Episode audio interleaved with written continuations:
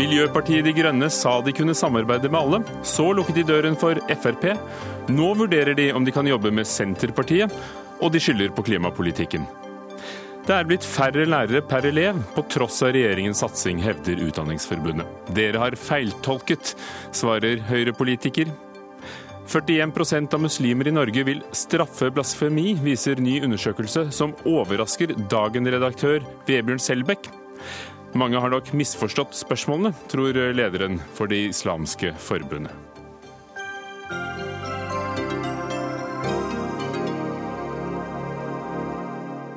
Og stiftelsen Bryggen truer med å ta betalt for å besøke de gamle trehusene. Kan de virkelig ta inngangspenger for Bergens stolthet? Vi tar debatten senere her i Dagsnytt 18 med Ugo Fermariello i dag. Miljøpartiet De Grønne har eh, lenge sagt at de er villige til å samarbeide med alle de andre partiene. Men i desember utelukket de Fremskrittspartiet, og nå vurderer de også å lukke døren for Senterpartiet. Det skyldes bl.a. Senterpartiets klima- og miljøpolitikk.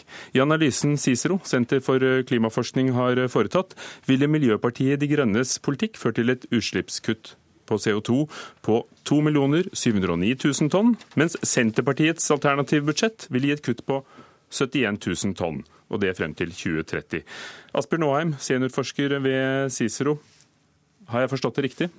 Eh, hovedtrekkene er riktig, ja. Og Hvordan kom dere frem til eh, disse tallene?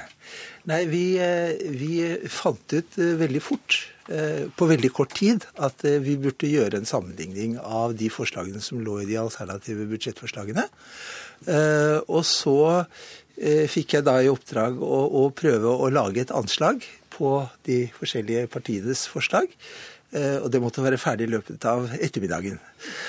Så det var ganske fort arbeid, og vi måtte derfor gjøre det veldig enkelt. Så det, det vi gjorde, var å liste opp de forslagene som de ulike partiene var kommet med. Og så tok vi og antok at, at man har gjort seg noen vurderinger av hvor hvor effektiv én krone i budsjett, en budsjettkrone da, er med hensyn til reduksjonen i utslipp. Tenker du da på krone i avgift eller krone brukt, eller hvilken krone? Den kronen vi tok utgangspunkt i, var kronebeløpet i budsjettforslaget. Så, så og der er det jo en Jeg tror det var 27 ulike liksom, ganske finkategorier av tiltak, som vi igjen delte inn i fem hovedkategorier. Og så sier vi at noen av disse tiltakene er mer effektive enn andre. Og Senterpartiet kom altså dårligst ut? Og Senterpartiet kom dårlig ut på en måte sammen med regjeringen. Og, og det skyldes langt på vei at Senterpartiet Eller det skyldes i noen grad at Senterpartiet ikke hadde inne denne avgiftsøkningen som bl.a. regjeringen hadde, men de hadde en del andre tiltak. Marit Arnstad, parlamentarisk leder i, i nettopp Senterpartiet. Dere kommer altså dårligst ut, men hva synes du om metoden og resultatet? Jeg tror nok i ettertid at kanskje også Cicero sjøl erkjenner at det er en nokså ufullstendig metode de har beregnet etter. I alle fall så har de jo innkalt, eller invitert partiene til et drøftingsmøte i neste uke for å gjennomgå bl.a. den type analyser. Og Det kommer nok både av at kritikken var sterk fra flere av partiene, både fra oss, men også fra Arbeiderpartiet. Og også fra deler av miljøbevegelsen. Zero var jo sterkt kritisk til den metodikken som var brukt. Og Grunnen til det er jo at det er så mange av de tiltakene som en foreslår som ikke fanges opp av denne metoden. Blant annet så har jo Senterpartiet foreslo jo et CO2-fond for tungtransport på linje med det MDG ønsker. Vi ønsker å finansiere det bl.a. med statlige midler. Det var et forslag som ble lagt inn for MDG til å begynne med, men ikke for Senterpartiet. Og da vi påpekte det, så tok de ut det for oss begge to. Det er ikke en bra måte å gjøre det på. Så men en pekepinn er det kanskje likevel? På ja. hvor dere står i forhold til hverandre på Stortinget? Nei, det er en pekepinn på hvem som tror at avgifter alene skal løse denne problematikken og ikke. Fordi at det er avgiftsspørsmålene som i stor grad skiller oss, eh, også i denne undersøkelsen her. Og det er riktig. Senterpartiet tror ikke at løsene på, på klimaproblematikken, og også det å få oppslutning om klimautfordringene, at det vil være å øke avgifter alene på den måten enten regjeringa foreslo eller MDG har foreslått. Åheim, er Dere fikk kritikk fra flere for å ikke ha sett på helheten. Du sa selv at det var hastverksarbeid. Var det også lastverk? Eh, når det går så fort som det gjorde, så kan man alltid, kan man alltid stille spørsmål. Og vi er, vi er, vi har på en måte, Noe av poenget var å legge seg åpne for eh, kritikk og tilbakespill fra de enkelte partiene. og Det gjorde vi. Og vi, og, og vi gjorde noen endringer, eh, som du også var inne på. Eh, noe ble tatt ut som hadde vært inne, og noe ble tatt inn som, eh, som ikke hadde vært, eh, vært med tidligere. Så dere får kritikk for at eh, dere har valgt eh, selektivt fra, fra partienes programmer og budsjetter. Men, men, opplever du eh, andre veien at partiene velger, velger det som passer dem fra, fra, forskningsresultatene, deres og andres? Ja, jeg, altså Nå vil jeg være forsiktig med å kalle dette forskningsresultater. Vil, Utregninger? Vil, det er en utregning, og poenget med utregningen var å gjøre en oversiktlig og veldig enkel måte å gjøre det på, slik at man nettopp kunne diskutere dette uten å være dyp ekspert og kunne kjenne alle prosjekter som var gjort på dette og detaljer som man veldig lett og fort drukner borti. Une Aina Bastholm, eh, nasjonal talsperson for Miljøpartiet De Grønne. Det, det, var i Vårt Land i forrige uke at eh, du i et intervju sa at dere må vurdere om dere kan samarbeide med Senterpartiet. Hvorfor falt den uttalelsen? Ja, Det er bare ett parti vi har bestemt oss for at vi ikke kan samarbeide med, eller støtte en regjering eh, med dette partiet, og det er Frp. Eh, og Det handler om at de er for langt unna oss eh, verdimessig, og også på klima- og miljøpolitikk. Og, og Det ble klart men, i begynnelsen av, desember, men når du da sier ja, dette og Det sa vi forresten også i 2013, ja. Eh, så det er for så vidt ikke så nytt.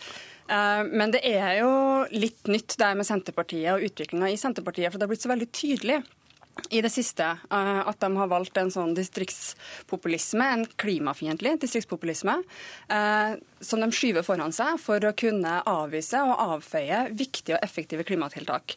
For det stemmer jo helt som det ble debattert her nettopp, at det er veldig vanskelig å regne på klimautslipp. Eh, og sånn kommer det alltid til å være, for en del av dem er også veldig langt fram i tid. Men den gode, den gode nyheten er jo at det er jo lettere å regne på det jo nærmere det er i tid.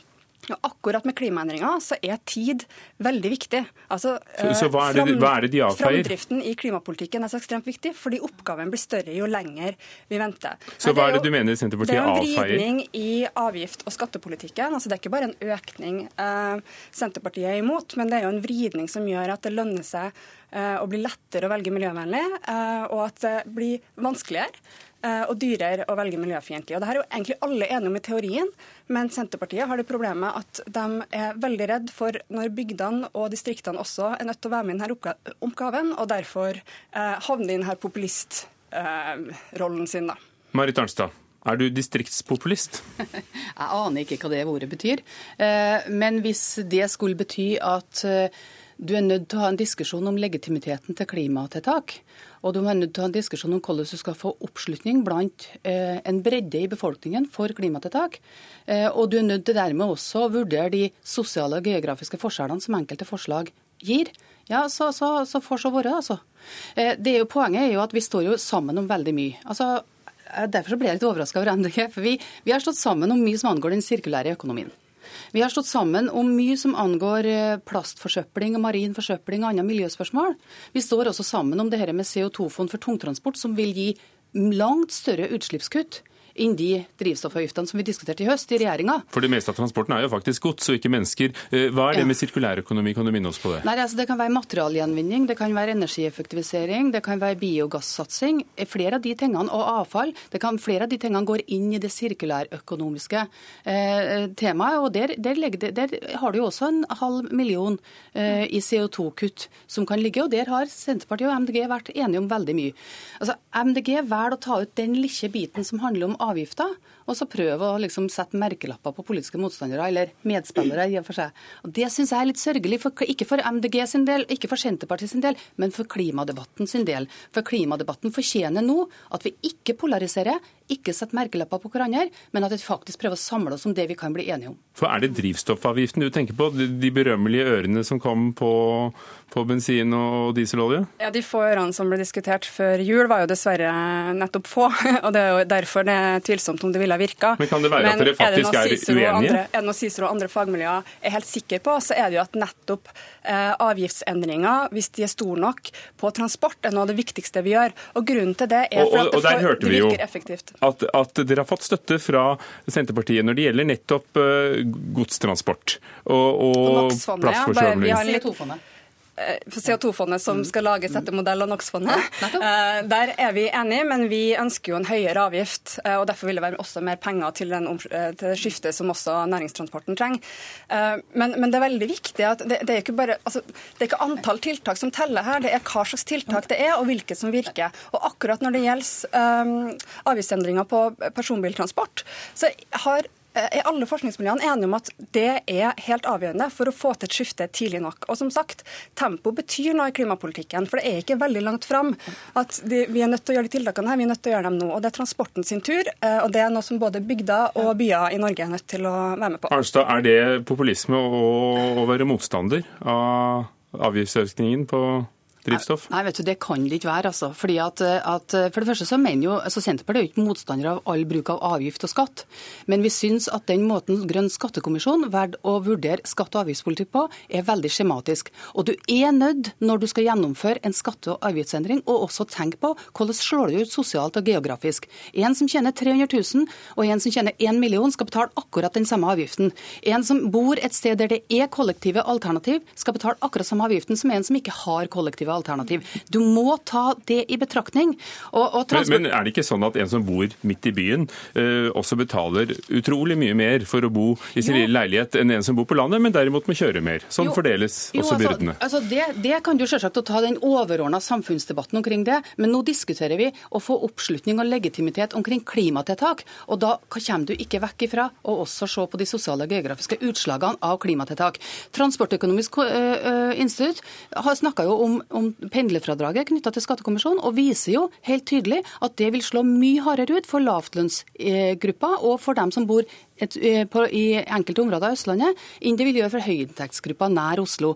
Og allikevel så, så, så, så, er miljøbevegelsen ikke villig til å ta den diskusjonen inn over seg. Og da tror jeg vi ikke kommer i land med å få oppslutning om klimatiltak. Une Aina Bastholm, kan det være at dere ganske enkelt er uenige i akkurat hvordan en sånn avgift slår ut? Uh, grunnen til at jeg bruker ordet populisme, er fordi at jeg opplever at Senterpartiet ofte snakker i veldig store ord når de skal avfeie klimapolitikk som virker, ved å sette bygd og by opp mot hverandre. Og Jeg skjønner jo at det er retoriske virkemidler, men jeg kunne ønske at Senterpartiet, som er så godt posisjonert for å kunne snakke bygdas sak, hadde også tatt til orde for uh, miljøtiltak som virker, og, og som kan være bra for bygda. Og det har vi gjort gjennom en bygdemiljøpakke som bl.a. legger opp til en nasjonal utbygging av ladenett for elbiler, eh, differensiere pendlerfradraget og uh, gjøre det lettere å vise elbil for dem som men, bor på Jeg må fordele ordet som passelig. Ja, Une, nå plukker du ut avgifter og ser på det som det eneste riktige i klimapolitikken, men det er jo så Nei, det er masse andre det, tiltak i klimapolitikken. Det er så mye andre ting vi står sammen om, og som det også haster med å få gjennomført. Både biodrivstoff, CO2-fond for tungtransporten, sirkulærøkonomien som er nevnt, og også mange andre spørsmål. Hvorfor ikke konsentrere oss om det det er mulig å bli enige om å få flertall for å komme raskt i gang med, i stedet for å henge seg opp i en debatt om avgifter som i høst dessverre til dels diskreditert klimadebatten. Grunnen til at jeg henger meg opp i at dette er viktig. Det handler om klimaendringer som truer hele kloden. Og, og et lite øyeblikk, og Det er også viktig fordi det er stortingsvalg til høsten. Uh, skal, dere skal få et lite spørsmål til slutt. Men uh, Asbjørn Aaheim uh, ved Cicero, når du hører dette, hvor tror du det vil føre i forhold til det som virker? Jeg har nok, jeg har nok en viss tro på avgifter. Eh, og det er slik at eh, disse utslippene skal jo ned fordi klimaendringer er kostbart. Og man må da prøve å motivere folk til å, gjøre, til å unngå de kostnadene. Og det betyr at noen må svi. Men Når du ser hva, hva dere har satt i gang med deres utregninger, vil du være mer forsiktig en annen gang? Eh, nei, det jeg gjerne vil, og det, er, og det, er, noe av grunnen til at vi har invitert de andre partiene til å ha en dialog om dette, eh, det er at eh, dette som sagt det gikk ganske fort. Og vurderinger rundt effektiviteten av ulike tiltak, det bør vi så avgjort gå, gå mer inn i. Eh, noe av problemet er at avgifter har vært eh, analysert. Det vet vi ganske godt hvordan virker, og vi vet det har en positiv virkning.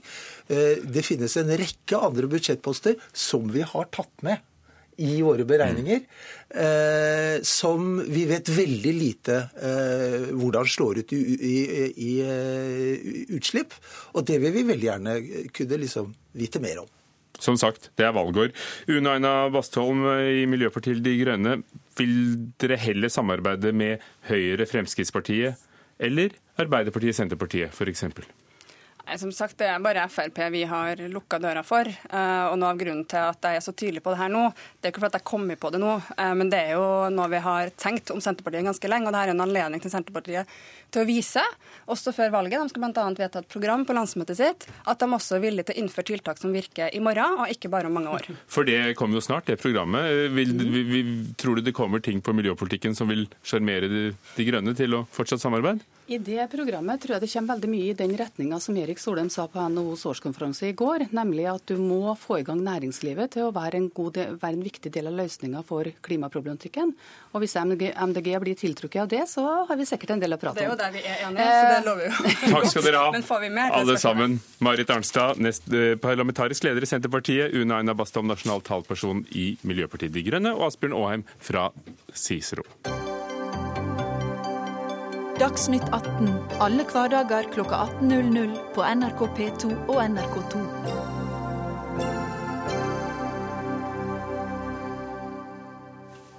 Regjeringen lovet eh, flere lærere i grunnskolen. Det løftet er ikke holdt, viser tall fra Utdanningsforbundet. Det ble satset 870 millioner kroner ekstra de siste to skoleårene, men pengene er i stedet brukt på flere skoletimer og en økning i antall elever, eh, ifølge VG i dag. Og Steffen Handal, leder i Utdanningsforbundet, det er dere som har funnet frem til disse tallene. Ehm, hva er din eh, konklusjon? Jeg er utrolig frustrert, faktisk. Og det er jeg fordi at uh, Stortinget gjorde, har gjort bevilgninger til ekstra lærertetthet de to siste årene. Og det har, som du sier, beløper seg til 870 millioner kroner. Og dette skulle være liksom for å få tettere oppfølging av elevene. Og så ser vi det at pengene blir bevilget, det er vilje, de går til kommunene, og så skjer det et eller annet som gjør at de ikke blir til ekstra lærerstillinger. Eh, de brukes bare til å dekke opp det behovet der når du får flere elever og flere undervisningstimer. Og Det som er så frustrerende, det er jo at til og med når Stortinget har denne politiske viljen til å styrke lærertettheten, til å gi elevene bedre oppfølging, til og med når de bevilger pengene, så skjer ikke det som Stortinget vil. Og det, det, er trist å sitte og se på, det er frustrerende. og det, det er også litt sånn at Foreldre, elever og lærere der ute de hadde jo forventet at disse 1000 ekstra lærerårsverkene at det faktisk skulle bli en styrking, og det er det ikke blitt. Vi har fått 190 flere stillinger på første til fjerde trinn, hvis du tar bort elevtallsvekst osv. Men totalt sett for grunnskolen så har vi altså fått 180 færre årsverk. Det skulle bli 1000 flere, og det er frustrerende å se. Kristin Vinje, stortingsrepresentant for Høyre som sitter i utdanningskomiteen. Er det regjeringen som har feilet, eller hvor har det, hvor har det skåret seg? Eh, jeg er ikke enig i den måten som Steffen Handal fremstiller disse tallene på. For det, det, Stortinget har vedtatt, som er et samarbeid eh, mellom Kristelig Folkeparti, Venstre og Høyre og KrF, eller alle regjeringspartiene, da, sammen med samarbeidspartiene, det er eh, flere lærerstillinger på småskoletrinnet. Eh, og det tallene sier, er jo at det har blitt nesten 1000 flere stillinger på småskoletrinnet. Så det er jo ikke å kjenne seg igjen i den måten han fremstiller dette. Og så er det også sånn at det har vært en sterk vekst i antall barn i den småskoletrinnet fra første til fjerde. Men hvis vi ser på tettheten, så har også lærertettheten gått opp på småskoletrinnet. Så det skulle aldri være helt opp til 10. klasse? Altså, altså, Vår målsetting har ikke vært å øke lærertettheten på barneskolen. Vår målsetting er å ha flere lærerstillinger i første til fjerde klassetrinnet. Og det har vi faktisk fått til.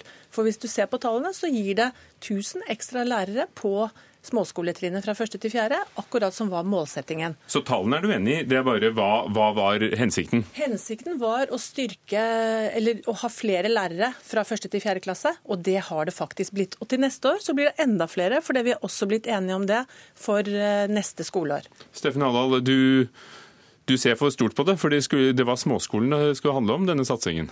Ja, men La oss si at uh, vi tar Kristin Vinje sin intensjon i beste mening, og jeg vet at Stortinget ønsket dette. Men la oss se da på hva som skjedde på første til fjerde trinn. Eh, man bevilget altså 870 millioner til ekstra lærerstillinger. Det har på første til fjerde trinn da blitt til 190 ekstra stillinger.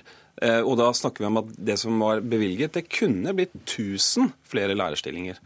Og det, det som er frustrerende, altså det er jo at, at det ikke blir noe av der ute. Nå er det som kjent kommunene som driver eh, grunnskolene. Ja, det, det er vel dem du egentlig burde rette skytset mot? Ja, men det som er litt problematisk her, og litt uredelig, det er jo at eh, både statsråden og Kristin Vinje nå også prøver å trikse med tallene her og fremstille det som at ja, det har blitt flere lærere. Og det har det helt riktig. Men du må jo ta med at det også har blitt veldig mange flere elever, som vi visste om på forhånd. Som vi visste om på forhånd. Og det har også blitt gitt at det er flere eh, undervisningstimer. Og Det som er så frustrerende, det er at det betyr i realiteten på skolene det er at elevene ikke får tettere oppfølging.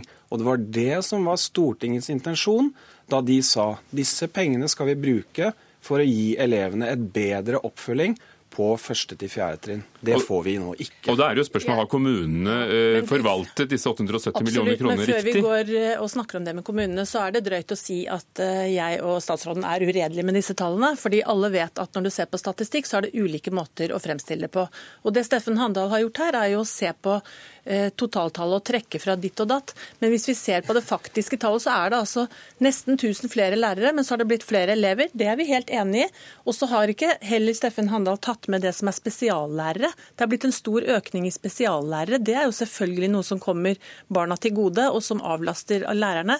Så det er ikke uredelighet, det er forskjellige måter å fremstille dette på. Og vi er altså fornøyd med at det har blitt flere lærere faktisk på småskoletrinnet første til fjerde, pluss at det har vært en sterk økning i antall spesiallærere. Og så må vi også se, Hvis vi ser på lærertettheten, så har den gått ned fra 16 til 15,8 i første til fjerde trinn. Så det blir feil å fremstille det som ikke dette har effekt. Men, tror, altså... men, men når dere begge snakker om at det er blitt flere elever, og, og dermed så kunne så er ikke lærertettheten blitt, blitt, så mye høyere som ville blitt. Men er ikke det enhver skoledrivers oppgave da, å ta høyde for at det kommer flere elever? Og, og dette skulle være ekstra stillinger? De skulle Absolutt. ikke ta høyde bare for at befolkningen vokser? Nei, nei, og det får jo også kommunene kompensert for gjennom kommuneøkonomien, som også, også er bedret faktisk. Nettopp, Men vi vil jo gjerne at kommunene selv skal vurdere hva de bruker pengene på. Ja. Steffen Handal er jo opptatt av å ha en lærernorm. Det er vi politisk sett uenig i, fordi at det legger en tvangstanke på hva kommunene skal prioritere av ressurser til de ulike skolene, som har ulike behov. Steffen Handal, er det sånn at eh, du gjerne skulle ha den eh, klassiske øremerkingen av disse pengene? Ja, altså Det er det behov for. Det er ikke bare noe jeg mener. Men vi ser jo nå at til og med når Stortinget vil styrke lærertettheten, eh, så blir realiteten at de ikke får det til. Og det er jo fordi at kvalitetskravene til norsk utdanning i kommunesektoren er så svake. Pedagogisk forsvarlig, hva er det? Jo, så Hva slags norm vil du ha? Vi må regulere ressursene til skolen avhengig av hvor mange elever det er. Dette er fullt mulig å gjøre. Vi har en fiks ferdig løsning på så dette. Så mer statlig styring? Men, men det, som er, det, som er, det, som jeg har lyst til å spørre Unnskyld, er, er, Du mener ja, altså mer statlig styring? Helt klart. Vi trenger mer uh, statlig styring på dette.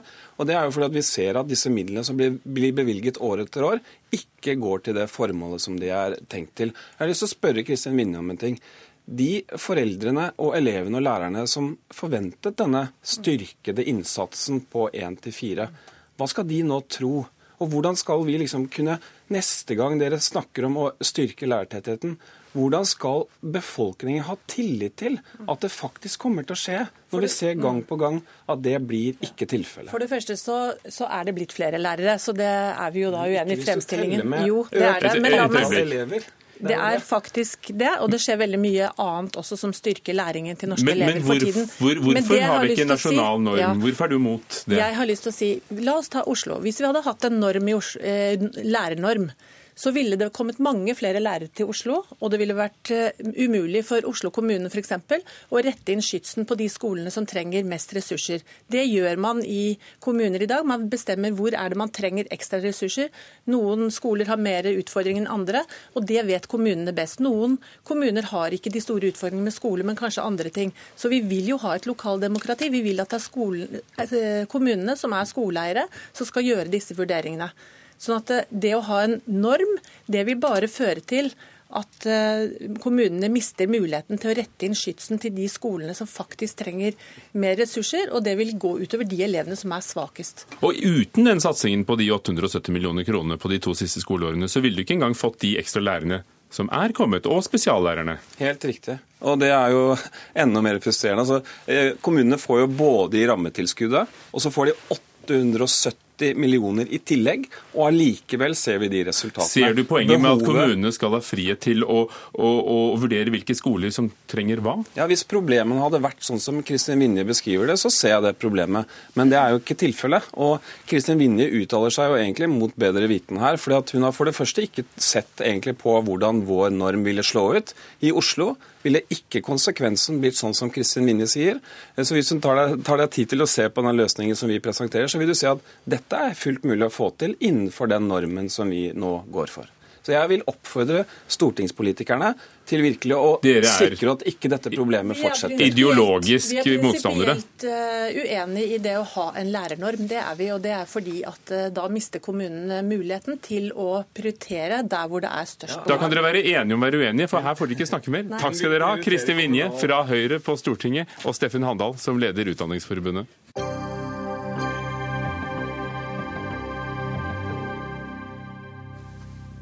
Litt senere i Dagsnytt 18 skal vi eh, stille spørsmålet har vi vunnet krigen mot kommunismen for å lage vår egen versjon av DDR. Det er det faktisk en av dem som har kommet med en høringsuttalelse til forslaget om fremtidens digitale grenseforsvar, som spør. Men vi trenger digital overvåkning for å sikre oss mot terror, sier lederen for utvalget som har skissert fremtidens digitale grenseforsvar. Og det skal vi diskutere senere i programmet her i P2. Men nå til Bergen og Bergens stolthet Hansabryggen. Pga. økende besøkstall kan det snart koste penger å besøke Hansabyen Bergens eh, store turistattraksjon Bryggen. Stiftelsen Bryggen sier til Bergensavisen i dag at eh, de kan begynne å ta betalt fra folk som vil besøke verdensarvstedet, for det er på Unescos verdensarvliste. For så mange som det kommer nå, så har det ført til slitasje, trengsel og, og søppel. Og, og eh, Bernt Håvard Øyen, direktør i stiftelsen Bryggen. Hvor store er eh, disse utfordringene jeg nevnte her, som, som kommer av at det kommer mange for å se på det? Ja, De er ganske store. Vi, eh, vi har jo en formidabel antall besøkende hvert år. Nærmere 1,5 million regna vi med i 2016. Så, så, det er klart at For oss som da skal håndteres en så stor eh, besøksmengde, så er det krevende. Både å, å, håndtere boss og søppel, det er toalettfasiliteter, og det er trengsel og det er opplevelser for de som skal besøke Bryggen, som kanskje blir, eh, blir litt, litt, dårligere enn det kunne vært. Så, så Når vi løfter fram problemstillinga, så er det for å, å, peke på litt av baksiden av medaljen rundt det med masseturismen. Hvordan skal vi håndtere en slik masseturisme som eh, har vokst eh, veldig mye de siste årene, og som nå etter hvert begynner å bli et, eh, et problem. Men Hvordan skulle dere gjort det da, altså for den gamle delen av Bryggen? Vi husker fra bildene ved, ved Vågen der, med, med hus som opprinnelig sto der fra 1300-1400-tallet. Nå er de fra etter den store brannen i 1702. Dere eier jo da eh, 32 av de 61 husene som står igjen. Eh, og så er det jo butikker mot gaten. Så, så, hvordan skulle du håndtert dette her? Ja, vi har jo, eh, nå har vi 38 bygninger og, og eier jo en to tredjedeler av bygningsmassen.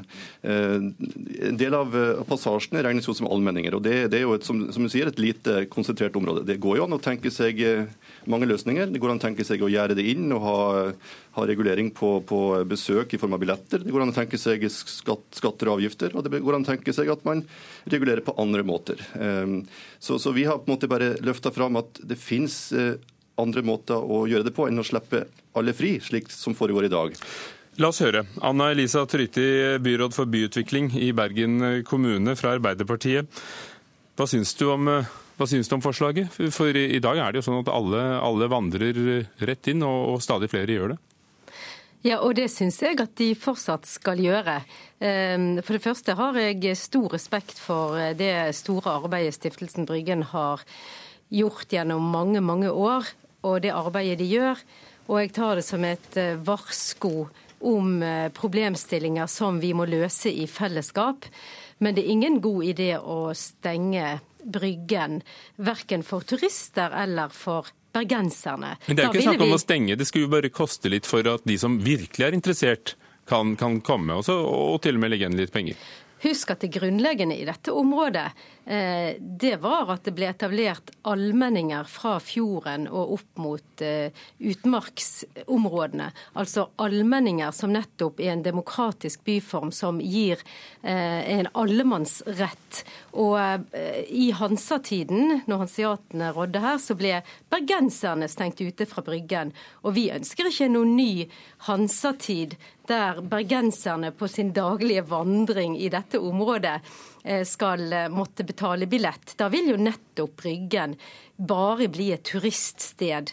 Eh, og det som det virkelig er behov for på Bryggen, det er at bergenserne erobrer Bryggen tilbake. Bernt Håvard Øyen, hvor mange er bergensere i dag, og hvor mange er utlendinger på hvileløs jakt med et kamera på maven? Ja, det, det, er et godt spørsmål. Vi har ikke eh, direkte den, eh, den fordelingsbrøken på det. Men det jeg kan si, det er jo at eh, cruisetrafikken har økt betydelig. Og også den andre turismen som er til, til Bergen har økt betydelig de siste år. Så, så, så det er klart at vi, vi, har, vi har, hatt en, en eksponentiell vekst i, i turismen. Og, og, og vi peker jo på at i et sånt bilde så, så, er det en, eh, det vi kan kalle for allmenningens tragedie som kan utspille seg, hvis man eh, drar det langt nok. Hvis det blir for mange, så, så, så blir det slik at fri tilgang til ressurser gir at man får et overforbruk, og så ødelegger man litt av de verdiene man skal beskytte. Men dere får jo, så vidt jeg har, sett, rundt 20 millioner i året, stemmer det? I støtte fra stat, kommune, fylke for å, for å holde prosjektet Bryggen gående? Ja, veldig bra. Vi har eh, et veldig ja. flott program som går på å ivareta bygningene våre. Så, så, er det ikke da også rimelig at allmenningen er åpen og, og, og, turistene er jo noe Bergen tjener på. Det bygges jo hoteller over en lav sko i byen. Jo da, det er klart. og Det, det er den dualiteten her som er viktig å få fram. Vi, vi også lever av turismen og, og syns at det er flott at så mange syns at det er fint å komme til Bergen og til Bryggen. Og det skal de få lov å gjøre i framtiden også. Men de fleste andre steder i verden så, det, så, har man reguleringer på hvem som får lov å komme til verdensarvstedene, og hvor mye turister som skal komme dit. Og Det må man begynne å tenke litt på også, både på Bryggen og andre steder i Anna Norge. Anna Elisa Tryti, litt lenger bort så, så ligger Håkonshallen og Rosenkrantztårnet. Mm. Der koster det penger. Det koster penger eh, å, å, gå inn i Machu Picchu-byen i, i, Peru. Og i Venezia så er det sånn at eh, innbyggerne betaler mye mindre enn turister for å ta f.eks. offentlig kommunikasjon. Nå er, har Riksantikvaren gått inn med over 100 millioner i prosjekt Bryggen. Og det er kommunen som eier eh, det meste av gategrunnen i dette området. Og vi er veldig stolt over det som kjennetegner den bergenske byform, nemlig allmenningene og allemannsretten. Så dette kommer ikke kommunen til å gå inn på. Men eh, det å vurdere en type turistskatt, eh, det å se på fellesløsninger Vi har ikke gode nok toalettfasiliteter. Det å gå i dialog med Stiftelsen Bryggen på hva er de reelle problemene. Og igjen, de har gjort en kjempejobb i alle år. Eh, så det er det som jeg tenker virkelig vi skal, skal ha den gode dialogen om. Men det å ha Eh, en åpen eh, brygge, det vil i hvert fall jeg som byråd jobbe for. Så er det jo òg sånn at Vekterruten i middelalderen gikk jo nettopp fra eh, Håkonshallen, som du nevner, fra Rosenkrantztårnet og til den gamle fransiskanerkirken, som nå er domkirke. Og det å innlemme Vågsbunnen, det å se på å utvide verdensarvområdet til å ikke bare gjelde Bryggen, det er noe som Bergen kommune ønsker nå å få vurdert, om også Vågsbunnen la, la, oss holde oss til Bryggen, eh, ja. Triti. Bernt Håvard Øyen. Når det kommer et sånt utspill, er det egentlig et rop om hjelp? Vil dere ha mer penger til å, til å ordne opp? Nei, vi, vi, det er ikke penger vi, vi, først og fremst tenker på. Og vi tenker heller ikke på at vi, skal, skal, på en måte skrike, rope ulv, ulv her. Vi, er mer opptatt av å tenke litt langsiktig på hvordan man beskytter de viktige verdiene som, som verdensarven representerer. Og Hvor mye kunne det kostet da? Ja, ja altså jeg, jeg, tenker jo Andre steder i verden så må man betale tilsvarende en kinobillett eller noe sånt for å få lov å, så, hvis man kommer i, i, i, grupper og skal besøke Bryggen. Og, det, og Man kan regulere f.eks. den organiserte gruppebesøket til Bryggen på en sånn måte at de må betale. Så, kunne det vært billigere for bergensere f.eks.? Ja, ja, vi kunne ha fått det billig for bergensere, og ikke minst for Oslo-folk som kan komme til, til og østlendinger komme til Bergen og besøke, besøke oss. Så, så, så, det finnes mange måter. Men, men det å tenke litt på hvilke modeller som finnes for å kunne regulere, det er viktig. Men Tryti, han har ikke kommunen med seg? Nei. Et kulturminne trenger folk, og trenger liv og røre. Slitasjeproblematikken og det med toaletter og boss, det må vi kunne finne løsninger på. Bergenserne skal etter mitt syn ikke bli utestengt fra Bryggen, men få vandre i dette flotte området. Og der er òg næringsdrivende der. Tryti. Vi må avslutte der. Takk for at vi med dere fikk vandre på Bryggen i Bergen, i hvert fall her også i Dagsnytt 18. Anna Elisa Trytti, byråd for byutvikling i Bergen kommune fra Arbeiderpartiet, og Bernt Håvard Øyen, direktør i Stiftelsen Bryggen.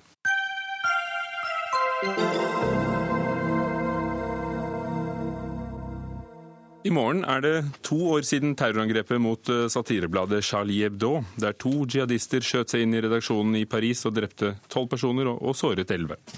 En ny måling foretatt for eh, nettavisen Filternyheter viser at 41% av muslimer i Norge vil straffe blasfemi, og 7% støtter dødsstraff for blasfemi.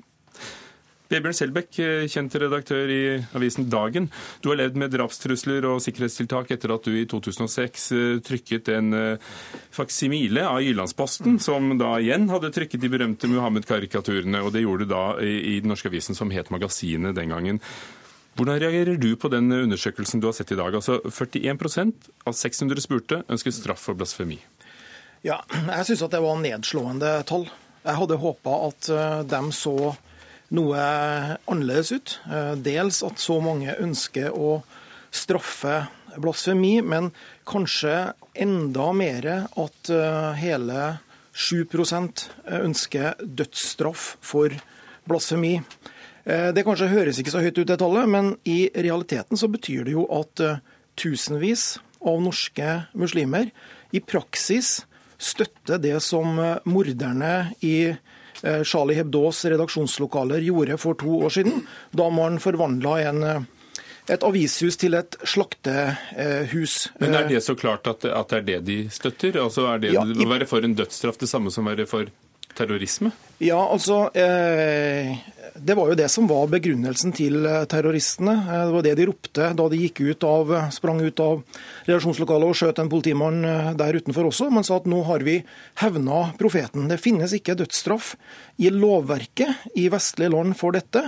Og da er det altså enkelte ekstreme som tar dette i sine egne hender og utfører da denne guddommelige straffedommen over mennesker som håner profeten.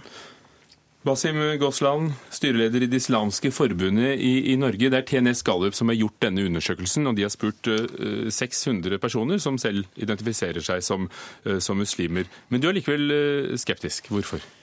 Ikke skeptisk til selve undersøkelsen. Jeg syns det er veldig bra å gjøre undersøkelse. Delvis for å ikke høre sånne tall som f.eks. Selbikk finner på selv. Han sier tusenvis har, i Norge som støtter det som skjedde i Eh, i, så, av I, drap, Paris. Sant, I Paris. Nå har vi tall da, som sier 7% som støtter dødsstraff for blasfemi, eh, også i Norge. Og jeg regner med at de 7 For det første eh, så har de ikke god forståelse av hva ordet blasfemi egentlig er. For hvis du ser på spørsmålet, så er det sånn blasfemi. Veldig åpent, veldig generelt. Eh, og da tenker man på de, de aller, aller verste av blasfemiformer som eh, som kan skje. Men eh, så må vi alltid tenke på at en eller annen andel eh, i, i, i samfunnet vil alltid skille seg fra flertallet. Hva er de aller, verste formene for blasfemi, da? Det å håne, spre hat med vilje. Akkurat det f.eks. Breivik drev med, det var hatpredikant, som til slutt ble over til Eh, den verste terroristiske handlingen i norsk historie. Så det startet jo med, eh, med hatsnakk, eh, hatpredikant, preking, og så ble det over til handling. Så denne typen hat, som, hvor man sprer hat mot religiøse grupper i form av, av både ord og handlinger, og jeg tror loven faktisk sier noe om det, men under paragrafen av hattale. Eller hatytringer. Ja, altså, jeg er skuffa over å, å, høre dette fra Basim Goslan. Altså, han bortforklarer alvoret i dette. her. Jeg mener det, Basim, at det, må jo være en, en, eh, religiøs leders ansvar å prøve å bekjempe denne formen for ekstremisme og disse veldig nedslående tallene og holdningene som, som, vi ser her. Ikke å prøve å bagatellisere det og bortforklare, sånn som du gjør nå. Og det er klart at det er, det er, tusenvis av muslimer i Norge som har disse holdningene. Det er farlig, og jeg spør meg også i, i hvor stor grad dette utgjør en sikkerhetsrisiko, slik vi har sett i mange andre europeiske land. For Problemet er jo at det som skjedde for to år siden i Charlie Hebdo, var jo ikke en enkelthendelse. Det var jo starten på to terrorår med islamsk terror som vi nå har, som har feid over Europa. Eh, Istanbul, Paris, Brussel, NIS.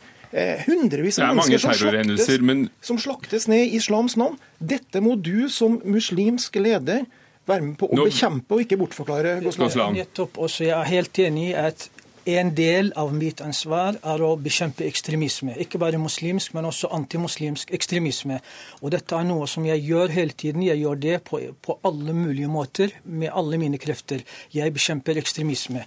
Både med ord og med handling. Og jeg tror de som leser min f.eks. Facebook-siden, vil kunne lese mye mot ekstremistene, både på norsk og på arabisk også. Så akkurat dette er en oppgave som alle må ta ansvar i. Men, men det som jeg ikke liker, og jeg syns det er faktisk å støtte disse ekstremistene, det er denne retorikken jeg hører fra Selbekk. Fordi de gir dem unnskyldning for at fienden liksom er ute etter å ta dem. Når det kommer ytringer mot muslimer, så er det helt greit. Kommer ytringer fra muslimene mot den andre siden, så er det antisemittisme og det ene og det andre. Da er det ikke greit. Da er det ytringsfrihet det er snakk om. Du, du nevnte uh, hatefulle ytringer, men tror du mange av dem som blir spurt, kanskje ikke er kjent med da straffelovens nye paragraf uh, om hatefulle ytringer, som, som, jo er forbudt? Selvsagt er det veldig mange som ikke er kjent med dette. Og nyansene Jeg snakket akkurat i dag med en del, ikke veldig mange, jeg rakk ikke å snakke med veldig mange, men noen. Og en av dem sier hvis jeg hadde blitt spurt, så hadde jeg tenkt sånn og sånn. Jeg hadde ikke forstått engang hva Eh, blasfemi er. Men ordet er så negativt. Jeg hadde sagt ja, jeg hadde sagt sånn. sånn, sånn. Anine Kierulf, jeg bringer inn deg. Forsker ved Norsk senter for menneskerettigheter, som er veldig opptatt av nettopp eh, ytringsfrihetsspørsmål. Hva er din reaksjon på undersøkelsen? Eh, jeg er helt enig i at det er veldig bra at vi får en sånn undersøkelse. Eh, jeg tror det er vanskelig å debattere disse spørsmålene uten eh, klare tall. Da blir det mye spekulasjoner. Og Er de tallene klare, som du leser? Ja, det er jo klare tall. Det som er et, en utfordring her, det er jo hvordan man skal tolke spørsmålsstillingen. For det er jo som det sies her, blasfemi. Hva er blasfemi? Ingen har definert det her foreløpig. Jeg tror det er en rekke også ikke-muslimer som ikke kan gi en presis definisjon av hva blasfemi er. Og hvis man tenker som, som her, at man legger en bred definisjon til grunn. At blasfemi er på en måte alt, skape, alt forsøk på å skape hat mot en gruppe pga. deres etniske eller religiøse tilknytning. Så har man Det er noe helt annet. Altså, blasfemi er gudsbespottelse. Det verner guden fra krenkelser. Eh, eh, vern mot hatefulle ytringer, det verner grupper av mennesker mot hatefulle ytringer. Det er noe ganske annet. Så Det, det er på en måte én mulig feilskilde. Det andre er jo hva er straff? Jeg tror ikke det bare er jurister som trekker et ganske klart skille mellom straff som statens legitime utøvelse av sitt voldsmonopol på den ene siden, og straff i betydningen eh, selvtekt på den andre siden. Terror er selvtekt, straff er noe helt annet. Altså dødsstraff er noe helt annet. Ingen europeiske land som du var inne på har dødsstraff eller støtter støtter dødsstraff. Men hvis vi går til det underliggende temaet, nemlig blasfemi, så er det altså ikke lenger enn siden i fjor at Norge opphevet sin eh, bestemmelse som satte straff for blasfemi. Så, så, så fremmed er det vel ikke? Og hvis vi spurte mange eh, kristne i Norge, ville de nok kanskje også være for? Ja, Det vet ikke jeg, men, men situasjonen er den at uh, paragrafen ble foreslått opphevet i, i 2004. Da uh, satte Høyre, Frp og KrF seg imot. De ville beholde bestemmelsen. Uh, så kom Arbeiderpartiet og SV i 2008 og foreslo å forlenge bestemmelsen likevel. Sånn at her er det utrolig mye vingling langs hele den politiske skalaen. Du kan egentlig ikke tilskrive noe som helst. Så noe særlig prinsipiell tilnærming til disse spørsmålene, også utenfor det muslimske miljøet, er egentlig vanskelig å finne i Norge. For Selbekk, det å være for straff, det er jo da ikke det samme som selvtekt. Der hørte vi Anine Kierulf trekke opp denne definisjonen. altså Myndighetenes voldsmonopol. Og, og, og, selvtekt, altså jo, terrorisme. Men, eh, men, det vi ser en økende og veldig farlig tendens til i Europa, det er jo nettopp denne formen for eh, islamistisk selvtekt i form av terror. Altså man må eh, ønsker sharialov, men lever i samfunn der man ikke har sharialov, men mener seg da guddommelig berettiga til å utføre den guddommelige dommen i, i Allahs navn. Det er det vi ser i disse terrorhandlingene nå. Alt fra NIS til den franske pressen som ble halshugd og alt dette her. Oppsiden med denne type undersøkelser vises jo også her. At har, det har ganske klar nedside hvis de blir tolket på denne måten. For her er det, kanskje det er det som er ment. Det vet vi ikke. Hva, mente, hva, mente, hva forsto de med straff, de som ble spurt? Forsto de det som står i Koranen eller tolkninger de forholder seg til av den boken? Da går det helt sikkert an å finne ut at eh, dødsstraff for blasfemi bør opprettholdes.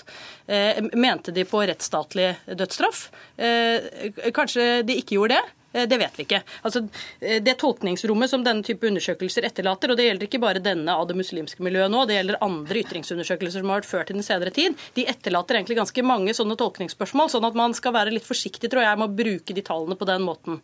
Er ikke denne saken eksempel på at bare saken for noen personer er viktig nok, så er man for dødsstraff? Altså Etter terroren i, i, i 22.07 så viste en undersøkelse Dagbladet gjorde at 16% i Norge var for dødsstraff. Jo, men altså, Det er jo dødsstraff for grov kriminalitet. da. Jeg er ikke for dødsstraff i noen tilfeller, jeg. men det er noe forskjell på det og å være for dødsstraff for gudsbespottelse, krenkende tegninger eller ytringer. Det er en stor, stor forskjell. Nå har vi ikke definert hva eh, hva er det vi snakker om? Blasfemi. Blasfemi, Blasfemi er, og hvor mange som ønsker nettopp, straff for det blant nettopp, muslimer i Norge. Det, nettopp, Dette er et begrep som er veldig negativt hos noen, er veldig akseptert hos andre, men vel ikke definert. Og når vi, Det som er problemet nå, er at disse ekstremistene, om de er muslimske eller ikke muslimske Vi har jo ekstremister overalt. Disse ekstremistene, som egentlig er veldig få blant alle, når vi jobber mot dem, så får de støtte på en måte fra andre ekstremister som later som om de eh, kjemper for ytringsfrihet. Og Det er det jeg mener er veldig negativt. Fordi de kjemper for ytringsfrihet. Dvs. Si at vi skal gi tillatelse og lov til alle som håner islam, og bare islam. Er ytringsfriheten absolutt? Hvor, hvor, står den etter to år etter Charlie Hebdo? Ytringsfriheten er ikke absolutt. Det har den aldri vært. Vi har masse regler om, eh, mot ærekrenkelser, mot privatlivskrenkelser, mot hatefulle ytringer, mot trusler, oppfordring til vold, diverse. Men, eh, men, det som er viktig tenker jeg, i denne debatten her, det er jo å holde klart for seg eh, forskjellen på blasfemi, nemlig det å, å, å krenke en gud, altså en idé versus det å krenke personer som tilhører en gruppe pga. sin etnisitet eller hudfarge eller religion. Til spørsmålet ditt. Jeg mener at eh, i hvert fall når det gjelder norsk presse, så har utviklingen gått i riktig retning. Etter eh, Charlie Hebdo-massakren så forsvant mye av denne berøringsangsten for Muhammed-tegninger og, og, og, krenkende tegninger som, som, vi hadde under eh, karikaturstriden i 2006. Det syns jeg er positivt. Takk skal dere ha, alle sammen. Vebjørn Selbekk, sjefredaktør i Dagen. Basim Goslan, styreleder i Det islamske forbundet i Norge. Og Anine Kierulf ved Norsk senter for menneskerettigheter. Hør Dagsnytt 18 når du vil. Radio NRK Radio.nrk.no.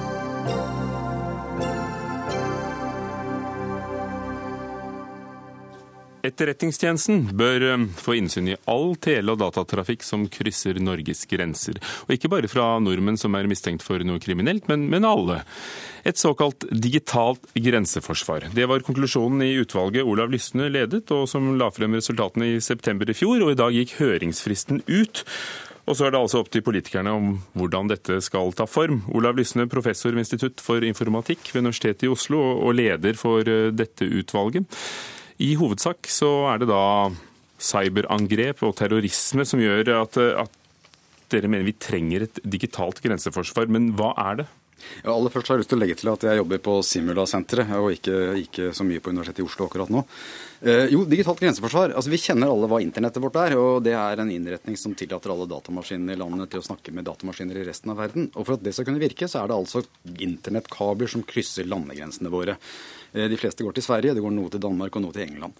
Eh, og eh, Innretningen dreier seg rett og slett om å gi Etterretningstjenesten tilgang til å hente ut overvåkningsinformasjon fra disse internettkablene som går inn og ut av Norge. Og Grunnen til at de ønsker seg det, det er at denne strukturen den gir oss naturligvis internett, det kjenner vi til, men den gir oss også mobiltelefoni. Den styrer strømnettene våre, vannforsyning til befolkningssentra.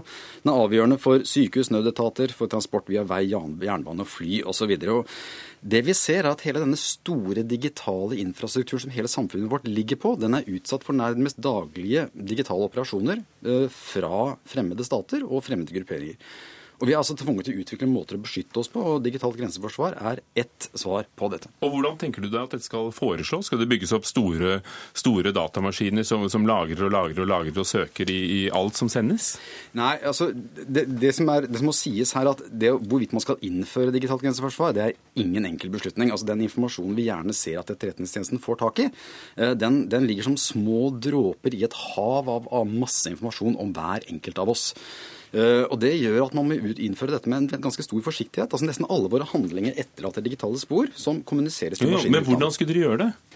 Uh, Eller E-tjenesten, hvordan, hvordan, så dere i utvalget for dere at det skal skje? Rent, skal, skal E-tjenesten da få uh, en egen fjellhall hvor, hvor, alle kablene blir gjennomlyst? Ja, det, rent maskinelle gjennomføring av dette tror jeg ikke er så veldig interessant. Men, men, men vårt, vårt, svar på disse utfordringene er at, er, er at hvis man skal innføre digitalt grenseforsvar, så må det innføres under veldig strenge forutsetninger.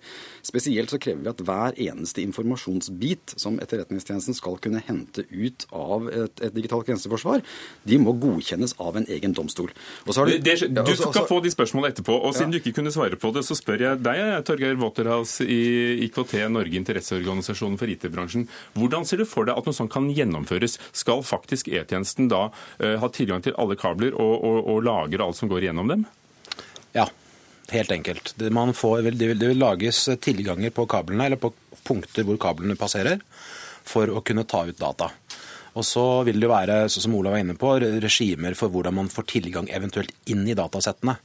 Eh, etter gitte kriterier. Men, men, men, helt kort, skal man kunne overvåke grensene og, og hindre, og, eller hindre å følge opp datahendelser osv., så, så trenger man å følge med på trafikken. Du kan egentlig godt sammenligne det, selv om det er en relativt langt unna sammenligning, sammenligne med et kamera som står og overvåker trafikken på veien. Du må filme bilene som kjører der, for å kunne følge med på hva som skjer på veien. Og Olav Lysne, hvor, uh, hvor bredt vil det være? Vil det være tekstmeldinger? Facebook-oppdateringer, e-poster. Hvor, hvor omfattende? Ja, dette her er, det, det, som går på disse kablene, det er alt det du sier der. Ikke sant? Eh, så er det naturligvis sånn at man kan ikke tillate at Etterretningstjenesten får lov til å se alt sånn. Vi skal være klar over to ting her. Det ene er at Etterretningstjenesten er en tjeneste som bare får lov til å drive utenlandsetterretning. Slik at de får bare lov til å hente inn informasjon noe steder fra som er relevant for utenlandsetterretningsformål. Men så er det så også det at hvis jeg sender en melding til deg, så kan det godt hende at den går via utlandet. Og da, da blir den igjen fanget opp er, i disse nye maskinene. Det er helt riktig riktig at den går via, via, utlandet. Og så er det sånn at hvis Etterretningstjenesten ber om å få se på den meldingen, de går til domstolen og ber om det, så vil de få nei. Fordi den går da mellom to nordmenn som befinner seg i Norge, og som har, ingen har grunn til å mistenke for noe som helst. Kurt A. Lier, president i Norges juristforbund. Hva, hva synes du om det du hører? Nei, altså For det første er vi nok svært bekymret uh, over at uh, dette forslaget er svært, uh, svært omfattende. Eh, og Vi er nok heller ikke enig i at dette ikke kommer til å ramme norske borgere, eller har stor potensial for å gjøre det. Dette er svært inngripende kommunikasjonskontroll, eh, som da baserer seg på et ikke-eksisterende mistankegrunnlag. Og det er helt naturlig og, og høyst sannsynlig at det også vil ramme norske borgere, enten de oppholder seg i Norge eller i utlandet. For de filtrene som skisseres i denne rapporten, tror ikke vi vil være tilstrekkelige for å sikre at en slik innhenting mot norske borgere ikke vil foregå. Men, men nå, nå, sier jo Lysne at i forslaget så skal det jo overvåkes og, og, kontrolleres av en domstol. altså Det er ikke sånn at da politiet eh, automatisk kan etter eget for, for godtbefinnende uh, søke rundt i materialet her? Nei, og Det er bra, men forslaget i rapporten er jo at dette skal være en særdomstol. En domstol som skal uh, kun drive med dette. noe vi er skeptiske til i utgangspunktet. Vi er ikke generelt nødvendigvis skeptisk til særdomstoler, men her er det på den måten som det skisseres i Lysne-utvalget, en fare for at, eh, at, man ikke vil kunne ha tilstrekkelig eh, tillit til uavhengigheten. Eh, dette skal være spesielle dommere. De skal kurses av Etterretningstjenesten, slik at de har nødvendig forståelse for, for det arbeidet som skjer der. Man ser for seg at, at den skal lokaliseres til, til lokalitetene, til, til Etterretningstjenesten osv. Dette er vi svært skeptiske til. Hvis man skal ha domstolskontroll med denne type ting, så er det viktig at den har tilstrekkelig uavhengighet, at den fremstår som tilstrekkelig uavhengig. Og det mener vi bør legges til de ordinære domstolene. Og vi deler ikke bekymringen til Lysne-utvalget i forhold til at dette er gradert materiale. Det er domstolene vant til å håndtere. Det gjøres i andre sammenhenger, bl.a. i PS, eh. Lysne, er det sånn at dere vil ha en egen særdomstol eh, i, i forslaget som skulle ta, ta er... stilling til disse innsynsbegjæringene? Nei, dette er nok en misforståelse. En egen særdomstol er det mange som er motstandere av, slik at det har vi naturligvis ikke foreslått. Eh, det må være en egen domstolfunksjon, og hvorvidt den trenger å legges til en særdomstol eller ikke, det er en egen separat debatt. Det vi har pekt på, er at tingretten i Oslo gjerne må gjøre utvide den jobben de allerede gjør når det gjelder å gi godkjenninger til, til, til, PST for å gjøre overvåkninger. Men, men særdomstol eller ikke særdomstol, jeg anser ikke det som, som, den viktige delen av denne debatten her. Altså, det, det, det, som er viktig for oss, er at dersom etterretningstjenesten i det hele tatt skal kunne gjøre en jobb for oss i det digitale rom, og det er vi avhengig av alle sammen, så må de ha en eller annen form for tilgang et eller annet sted. Og så kan vi diskutere er, er Som de ikke har i dag. Som de ikke har i dag. Torgeir Waterhouse. Ja. Hvor mye hjelper dette når selv en sånn enkel tjeneste som WhatsApp, som ganske mange har, tilbyr kryptert informasjon? Kan ikke de som trenger det, finne veier utenom som gjør at ikke, ikke myndighetene klarer å skjønne hva som står der? Jo, og Det er noe av problemstillingen oppi dette store bildet og vurderingen som skal gjøres. fordi I utgangspunktet så diskuterer vi som om eh, så lenge du har tilgang på kabelen, så du alt, kan du se alt som går gjennom. Det du kan se, og særlig når det er kryptert, sånn som WhatsApp og andre tjenester, og ikke minst andre og mye sikrere tjenester som er på vei inn i markedet, så kan du se at det er noe der. Eller i noen tilfeller kan du ikke se det, for det er skjult i noe annet. Det er skjult inni en Netflix-film f.eks., som streames forbi. Så, så da, og da har du to scenarioer. Det ene er at du kan undergrave verdien av overvåkningstilgangen fordi at det er så mye som er kryptert. Alternativt så kan du få det regimet vi har sett eh, i en del land, hvor myndighetene forbyr sikkerhetsløsninger eller lager bakdører som ødelegger de. Så her er det mange ting som må vurderes. Og, og, og det er også sånn at eh, det, det snakkes nå om spesialdomstol, og det, det, er jo opplagt at er et, et alternativ eller en vanlig domstol. Men det som bekymrer meg her også, oppi dette, er jo the slippery slope. Altså hva skjer når det dyttes på begrensningene som har blitt satt, så det beveger seg fra E-tjenesten over i vanlige politisaker. Og plutselig få en situasjon hvor de ikke diskuterer om skal E-tjenesten ha tilgang, men skal politiet ha tilgang i alle mulige saker. Og så kan du tenke deg et videre scenario med andre forskjellige offentlige etater. For det er egentlig ikke noe grense for hvilke offentlige myndigheter som kan ha utbytte av dataene i sin jobb. Og samtidig, Kurt Alier i Norges Juristforbund, ville jo dette vært et redskap som, som tillater nettopp uh, undersøkelser i, i materialet både E-tjenesten, men kanskje også politiet trenger? Absolutt. Uh, og det er ikke noe vanskelig å ha forståelse for at det kan være behov for den type ting. Og, og vi lever i en verden går, som blir stadig mer usikker. og, og det er enkelt, og, og, jeg skjønner godt at, at uh, ryggmargsrefleksen til mange kan være at det er viktig at politiet og E-tjenesten holder oss trygge. Men samtidig så skal dette alltid avveies mot friheten vår, og, og ikke minst dette med personvern og menneskerettighetene. Uh, og den, Det er noe av det jeg syns er dårligst i denne rapporten. Det er uh, foretatt avveininger mot menneskerettighetene og, for, og, dette som kalles proporsjonalitet. Men de er veldig, vil si, det er veldig det er ikke godt behandlet, det er ikke grundig behandlet. Det er vanskelig å kunne le, gjøre seg en vurdering av hvor omfattende denne overvåkningen faktisk vil bli. Og om det da er proporsjonalt i forhold til i forhold til hvilke utslag det får på, på samfunnet, i forhold til det som kalles nedkjølingseffekt bl.a., som man vet eksisterer. Altså Blir det mye av dette, så ser man at det har en påvirkning på selve samfunnsdebatten og, og borgernes vilje til å være med i den. Og Det er nettopp det mange borgere har vært bekymret for i disse høringssvarene. Fristen gikk ut i dag, vi kan lese dem. Eh, en som heter Eirik skriver har vi slåss en verdenskrig og stått imot kommunistene for å så opprette vår egen versjon av DDR. Det var nettopp det DDR gjorde, dampet opp alle brennene som gikk inn og ut. Hva er din kommentar? Jeg er veldig enig i det som, som Torgeir sier her. altså Dette med slippery slope. Uh, vi var veldig nøye da vi skrev denne rapporten og, og sette et, et, klart grense for, for, for, for, hva som skulle kunne gjøres. Og definitivt så skulle ikke dette kunne brukes i straffesaker. Uh, slik at, at uh, Vi var veldig nøye på at dette skulle være E-tjenesten. Men Det blir ikke Også, vår egen versjon av DDR, mener du? En politistat? Nei, det, det er, jeg er veldig opptatt av at debatten blir god. jeg er ikke redd for at vi ender med, i den debatten resulterer i at vi får en DDR-stat. Det er jeg nok ikke. Men vi ender her. Takk skal dere ha. Olav Lysne, som ledet nettopp dette Lysne 2-utvalget, som det het. Kurt Alier i Juristforbundet. Og Torgeir Waterhouse i IKT Norge. Hans Ole Hummelvold var teknisk ansvarlig. Ida Tune Øresland, produsent. Ugo Fermariello, programleder for Dagsnytt 18. Takk for i dag.